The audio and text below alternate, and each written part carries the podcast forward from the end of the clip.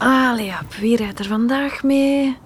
Klant Antoon de Koning, 68 jaar, recente diagnose frontotemporale dementie. Aanvraag vervoer Hummeltje van rijwoning naar serviceflat. Aandacht voor persoonlijk afleveren. Een hummeltje. Wat is dat?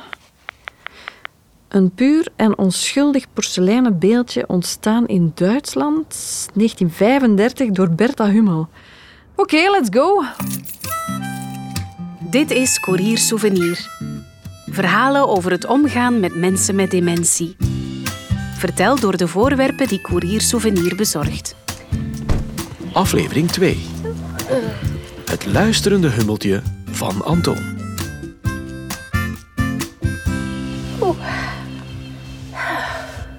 Welkom, welkom. Oh, danke, danke. Met wie heb ik de eer? Vicky, oprichter van Courier Souvenir, aangenaam. Oh. Jij moet Hummeltje van Antoon zijn. Ja, klopt. Aangenaam. Hou je maar goed vast, Hummeltje, want eh, we gaan vertrekken. Hè? Oh, ehm, heeft u misschien nog een kussentje, zodat ik wat hoger kan zitten? Dan kan ik mee naar buiten kijken. Ja, dat snap ik. Wacht, ik heb hier nog wel eentje. Oeh, ja, ganz goed. Eh, kan je mij nog een heel klein beetje draaien misschien? Ja, sorry. Ik zit liefst in één keer goed Zo voor de rest van de rit. Ja. Oei. Prima zo? Ja, Oké. ganz goed. Waar brengt u mij naartoe? Eh, Anton de Koning die had mij gevraagd om jou veilig terug bij hem in zijn nieuwe serviceflat te leveren. Och, Anton. Oh, die lieve Uw Anton. route wordt berekend. Ja, lief. eh, het klonk ook wel alsof wij u misten. Mijn voicemail staat dus vol met zijn fluisterberichtjes. Hè. Hé, hey, koerier, wilt u mijn hummeltje zachtjes meenemen en me dicht bij haar brengen? Met zachte vingers, hé, koerier, zodat ze niet valt. Die berichtjes zijn echt de max. Ik ga die sparen. Ik vind het nu al een figuur, die Anton. Ja. We zijn weg.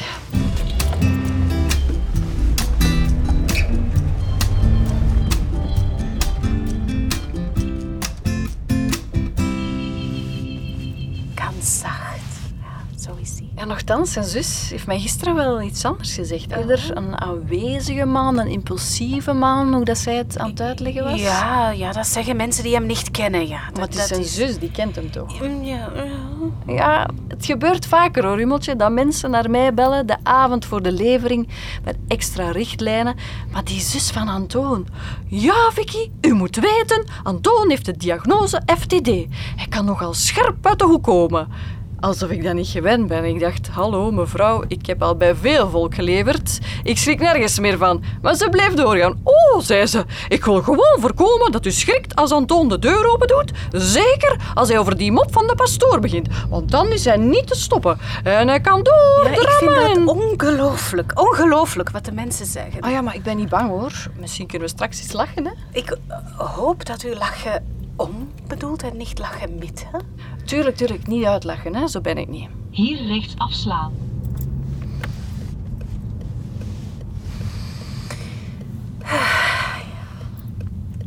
Zeg, mevrouw. Je mag Vicky zeggen, hè? Wel, eh, Vicky. Weet u of Antoon zijn eigen kamer heeft? Ik vermoed van wel. En is die kamer een beetje afgelegen van die andere? Goh, Als, als in kunnen wij daar rustig en vrij uitspreken? ja, Hummeltje, dat weet ik niet. Dat zou toch moeten? Meestal zijn die serviceflats wel deftig voorzien, hè? Nou, oké. Ah, kijk, Vicky. Antons zus mag u dan wel verteld hebben dat hij een of andere te aanwezige moppetapper is, maar bij mij doet hij dat niet. Bij mij is hij anders. En weinig mensen kennen hem zo, hè? Sla links af. Ja. Ah, gewoon anders. Misschien wel meer zichzelf. Dus, dus geen moppetapper. Och ja, Anton heeft gevoel voor humor, dat wel. Maar het is ook een, een, een, een masker, als u begrijpt wat ik bedoel. Deels, denk ik. Ja. Kijk, eh, ik mag dan wel hol zijn van binnen, hè, maar ik zit vol verhalen, Vicky. Je ziet de tak met de mooie roze alpenbloemen waar ik op zit? Ah ja, ik zie het nu. Ja, daar zit ik altijd op mijn gemak, mijn benen bengelend. En als ik hier dan zit en Anton komt bij mij, dan praten wij. Ik spreek met hem over het leven, over de woeste krochten en de zalige pieken. Wat kan hij vertellen? Prachtige verhalen en rauwe verhalen. Oh, ik heb al tranen zien vloeien. Maar dat is Aan goed. het kruispunt Ja. rechts afslaan. Tranen kunnen eens deugd doen. hè. Ja, het betekent precies wel veel voor hem als ik het zo hoor. Ja, en hij ook voor mij.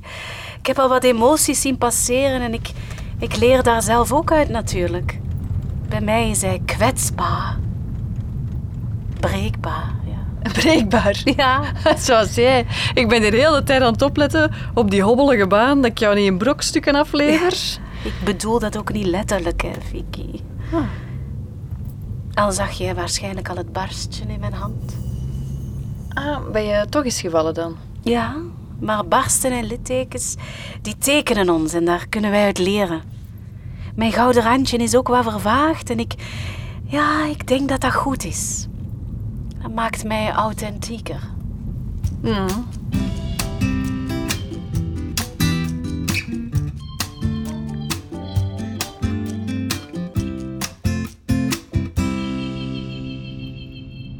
Maar hoe kom je dan eigenlijk bij Antoon terecht, als ik dat mag vragen? Hè? Ja, dat is een interessante vraag. Antoon heeft mij gekocht in Duitsland. Ter herinnering aan iemand heel speciaal in zijn leven. Hij ging eh, toen hij twintig was op reis naar Duitsland. Moet je eens denken, toen was dat heel wat. Ja, zo alleen. Ja, Antoon verbleef in de chalet van vrouw Müller. En zij had een dochter, Ulrike. En hij kon zijn ogen niet van haar afhouden. Elke ochtend bracht ze hem vers brood met boter. En ze hadden een eh, korte conversatie. Ah, ze maakten iets bij hem los. Iets zacht. Iets zoet. Dat is precies de start van zo'n romantische film. Och ja, dat was het zeker voor Antoon. Maar zijn film is sinds de terugkeer naar België een, een droom gebleven. Of misschien wel een, een nachtmerrie geworden. Antoon vond nooit meer zijn Ulrike hier. En, en dat tekent hem tot op de dag van vandaag. Dus die heeft nooit een vrouw gehad sinds zijn twintigste. Nee.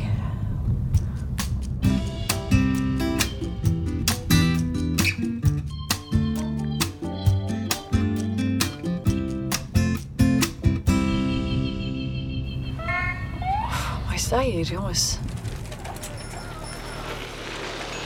En hoeveel zijn die? Allee. Allee, laat ons door. Ik kan niet tegen. Allee, laat ons toch gewoon door. Nu, jongens? We hebben toch tijd, Vicky? Ja, maar ja, ik moet u wel naar Anton brengen. Maar ik ben al lang weg van Antoon. Op die, op die paar minuten gaat het niet komen. Hè. Allee. Allee, laat die mannen maar wat doen. Die hebben plezier. Die werken zoveel en zo'n fietsdagje doet hen goed waarschijnlijk. Kijk, kijk, kijk. Kijk hoe ze genieten. Ah, Hummeltje kijkt graag naar gespierde wielrenners, is dat? Zeg. Ah, we kunnen door, eindelijk.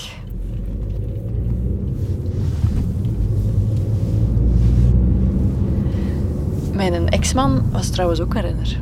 Oh, Ja, ik heb hem leren kennen toen ik eh, spullen van een zekere meneer Duchesne moest vervoeren naar zijn nieuwe buitenverblijf. Ah, en, en uw ex-man woonde die bij die meneer Ja, Duchesne? ja, ja, dat was zijn kok. Die kon echt koken als de beste. Dat was zo lekker. Amai, dat klinkt heerlijk. Ja, dat was het eigenlijk ook. We hebben echt zo'n goede tijden gehad. Eerste zomer konden wij niet zonder elkaar. Geen enkele dag. Avonden in het park babbelen. En toen wou die meneer Duchesne per se verhuizen. Oh. Ongelooflijk, hè? Die heeft zoveel geld en toch wil hij weer verhuizen.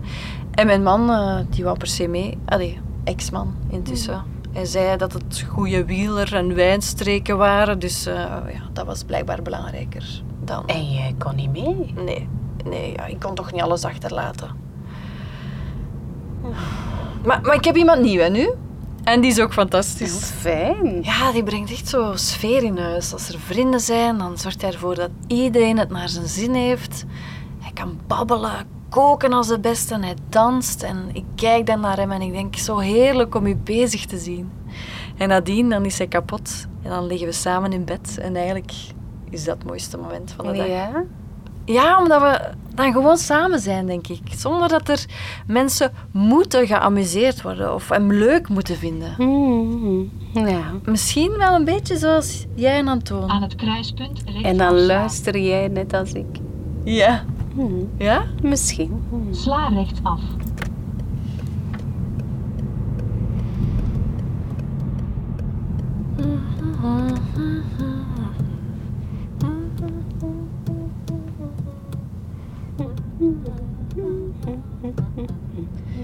Maar Hummeltje, eigenlijk, wat als Antoon niet meer uit zijn woorden raakt? Hoe bedoel je? Ja, wat, wat als jij niet meer kan luisteren, omdat er geen woorden meer zijn, of toch geen verstaanbare woorden? Maar Antoon kan veel meer dan praten.